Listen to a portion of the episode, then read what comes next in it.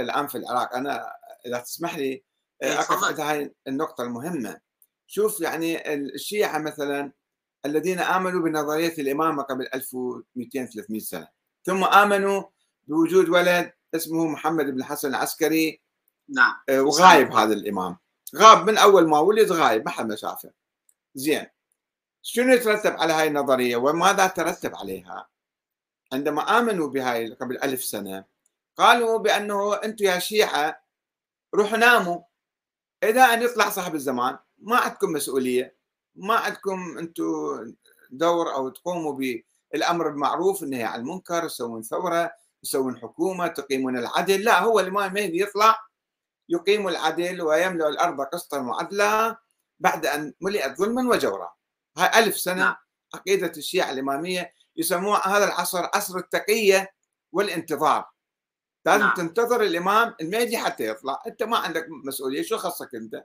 الله معين فد واحد حتى يسوي ثورة ويقود الأمة الإسلامية. فأنت شنو مسؤوليتك؟ إيه. هذا هذا الفكر الميت. ال- نعم، النظرية الميتة. نعم. المخدر المخدر. هذه النظرية آه. العباسيين العباسيين هم الذين دعموها. الخلفاء العباسيون والبويهيون. نعم صحيح. دعموا هاي النظرية حتى يخدروا الشيعه وينوموهم ويقولون بعد لا تسوون ثورات انتظروا صاحب الزمان يطلع في مقاومة في مقابل الدولة الفاطمية اللي كانت نعم. دولة شيعية إمامية وعندهم أئمة أحياء ودا يجتاحون العالم كله ذاك اليوم وبعد شوي وهددوا بغداد واحتلوا بغداد أيضا لمدة صحيح. سنة فهاي آه، النظرية الاثنا عشرية اللي تعتمد على وجود الإمام الثاني عشر الغائب هي نعم. نظرية مقابل تلك النظرية الشيعية وفي نفس الوقت لصالح الخلفاء العباسيين ولصالح ال- البويهيين فتخدر الناس. فألف سنة الشيعة الاثنى عشرية كانوا نايمين قبل حوالي 50 60 سنة 70 سنة بدأوا الناس الشيعة صاروا أكثرية في إيران أو في العراق وهنا وهناك صار عندهم يعني إمكانيات كبيرة فقالوا لماذا نحن يعني مهمشين؟ لماذا نحن مثلا ما عندنا دولة؟ فإجا إجت نظرية الفقهاء الشيعة طوروا نظرية ولاية الفقيه. من 100 سنة 200 سنة صاروا يبحثون فيها يعني يبحثون فيها وقالوا إحنا في هذا العصر خلي الفقيه هو يسوي دولة. اجى الإمام الخميني يتبنى هاي النظرية مو هو أول طلع واحد طلعها. يعني الخميني مو صاحب هاي النظرية. لا مو هو كانت قبل 100 200 سنة كانت مطروحة. فهو تبناها وطرحها وألقى محاضرات بالنجف سنة 69 قال انه ربما الإمام المهدي بعد آلاف السنين ما يطلع. إحنا شو نسوي؟ نقعد ننتظر هالشكل؟ فقال خلينا نسوي حكومة الحكومة باسم يعني تحت قيادة علي الولي الفقيه. هنا في الستينات حزب الدعوة عندما تأسس تأسس على نظرية الشورى. يعني السيد محمد باكر الصدر رحمة الله عليه هذا كتب دستور الحزب دستور حزب الدعوة. وقال أن الحزب يقوم على الشورى يعني على الديمقراطية. وإذا نعم. سوينا حكومة إسلامية تقوم على الديمقراطية تقوم على الشورى. فأرسل هذا الدستور إلى مراجع النجف في الستينات. اللي كانوا من السيد محسن الحكيم السيد الخوئي شيخ مرتضى آل ياسين خال السيد محمد باكر الصدر وأيضا الشيخ حسين الحلي. كان هذا عالم كبير في الستينات مدير مكتب السيد الحكيم للإفتاء. يعني هو كان أعلم من الخوئي. فماذا قال له هؤلاء المراجع؟ قالوا له أنتم شنو تريدون تسوون؟ قال نسوي حزب. ليش يسوون حزب؟ حتى نسوي دولة إسلامية. قال هذا مو شغلكم هذا شغل الإمام المهدي أنتم لا- خلوه هو يعرف دربه يشوف الوقت المناسب. إذا إذا الظروف تسمح له هو يطلع يسوي الدولة. فأنتم هاي مو شغلتكم. بعدين أنتم الحزب مالكم يقوم على ماذا؟ على الشورى. هاي الشورى نظرية سنية مو نظرية شيعية. فأنتم شلون ماخذين نظرية سنية؟ نظرية الشورى مال السقيفة يعني. نعم. وتدون تسوون دولة. فرفضوا هؤلاء المراجع رفضوا. اجى الإمام الخميني قال لا نسوي دولة حك... الفق... الفقهاء يحكمون. ما ما كان يتحدث عن الشورى والديمقراطية. بعد عشر سنين صارت ثورة شعبية في إيران ثورة مليونية. إذا تتذكر أنت. اي 79 نعم. 79 الجماهير الإيرانية كانت تنادي بهذه الشعارات الثلاثة. استقلال حرية جمهورية إسلامية. بالفارسي كانوا يقولون استقلال آزادي جمهورية اسلامي شعار الثورة الإيرانية شعار الناس. فالإمام الخميني اللي كان عنده نظرية ولاية الفقيه آه، اجى تنازل للشعب وقال طيب سووا دستور أنتم فسووا انتخابات تأسيسية وسووا دستور وسووا نظام جمهوري. جمهوري إسلامي تحت قيادة ولاية الفقيه بس برئيس جمهورية منتخب وبرلمان منتخب واستقلال نعم. القضاء يعني صار نظام ديمقراطي الهيكل هيكل نعم. نظام ديمقراطي ولكن في نفس الوقت في عمامة فوق هذا النظام يعني في المرجع فوق هذا النظام نعم. آه، فالشيعة منذ ذلك اليوم صار عندهم تطور تطور فكري وعقلي تقريبا تخلوا عن نظرية الإمامة الإلهية نظرية نعم. الإمامة الإلهية كانت تقول بأن رئيس الجمهورية أو الحاكم أو الملك أو السلطان الزعيم شو يسميه يسميه يجب أن يكون معصوما من الله. آه. وشلون نعرف أنه هذا معصوم؟ لازم الله يعينه. إحنا ما نعرف هذا معصوم ولا مو معصوم. فلازم الله يعين هذا الإمام. كيف الله يعين الإمام؟ يقولون الإمامة في السلالة العلوية الحسينية الموسوية إلى يوم القيامة. طيب هاي النظرية وصلت إلى طريق المسدود. وتوفى الحسن العسكري في منتصف القرن الثالث الهجري وما تحدث عن وجود ولد ولا تحدث عن مصير الإمامة. فإحنا وين نروح؟ شو نسوي؟ قالوا انتظروا الإمام الثاني عشر.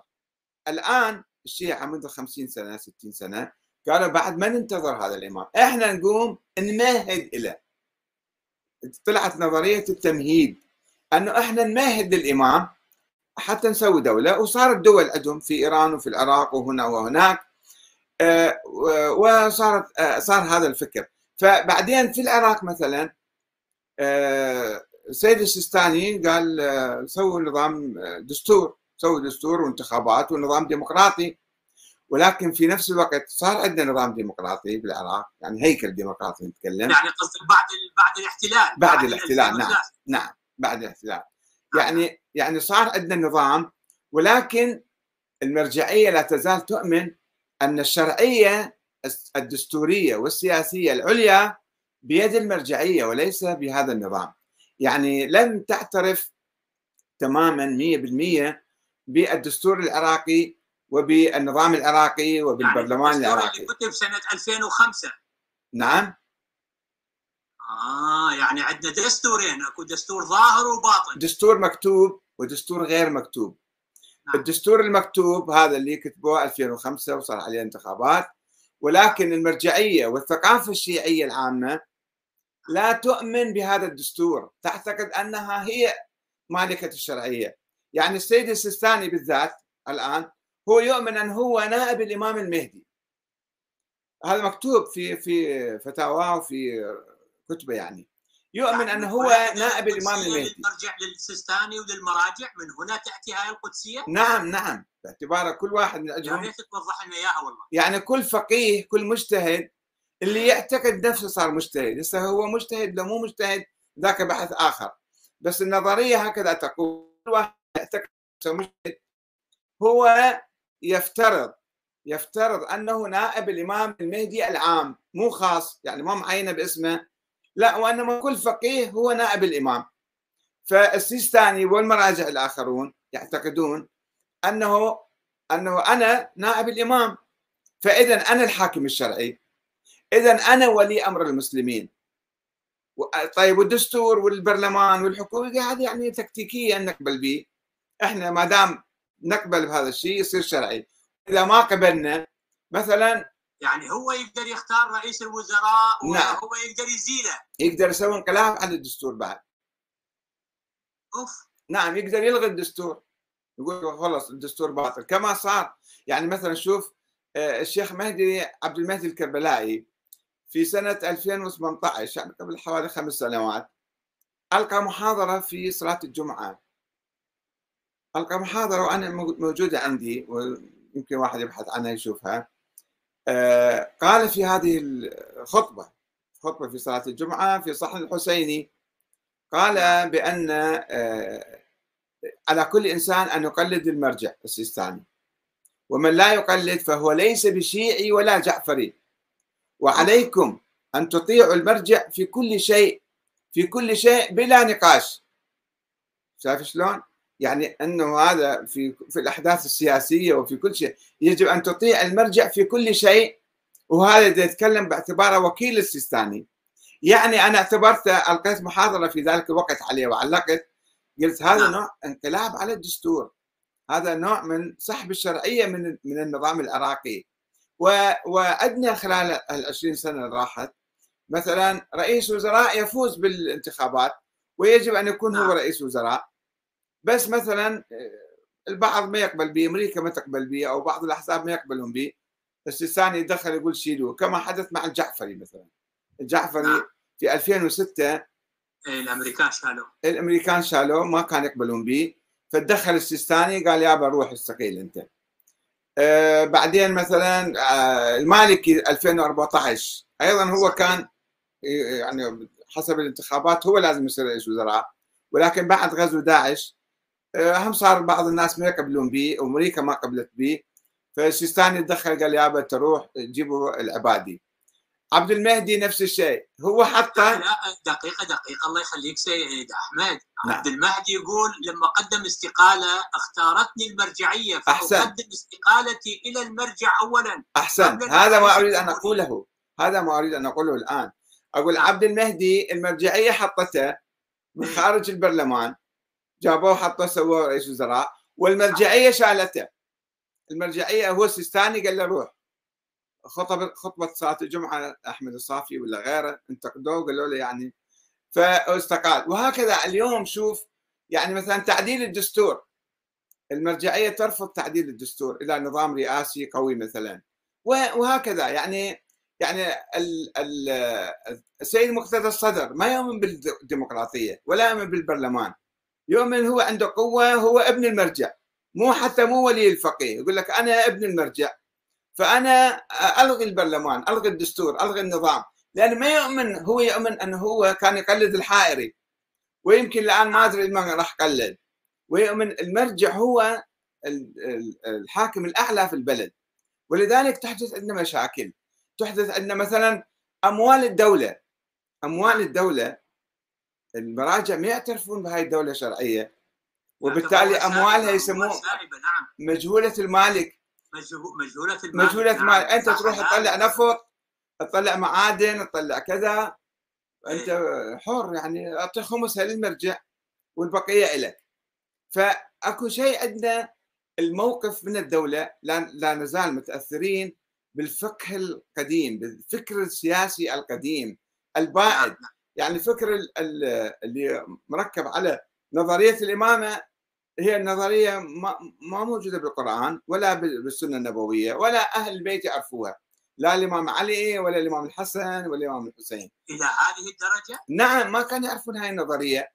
لأنه شوف الإمام الحسن الإمام علي بايع الخلفاء الثلاثة.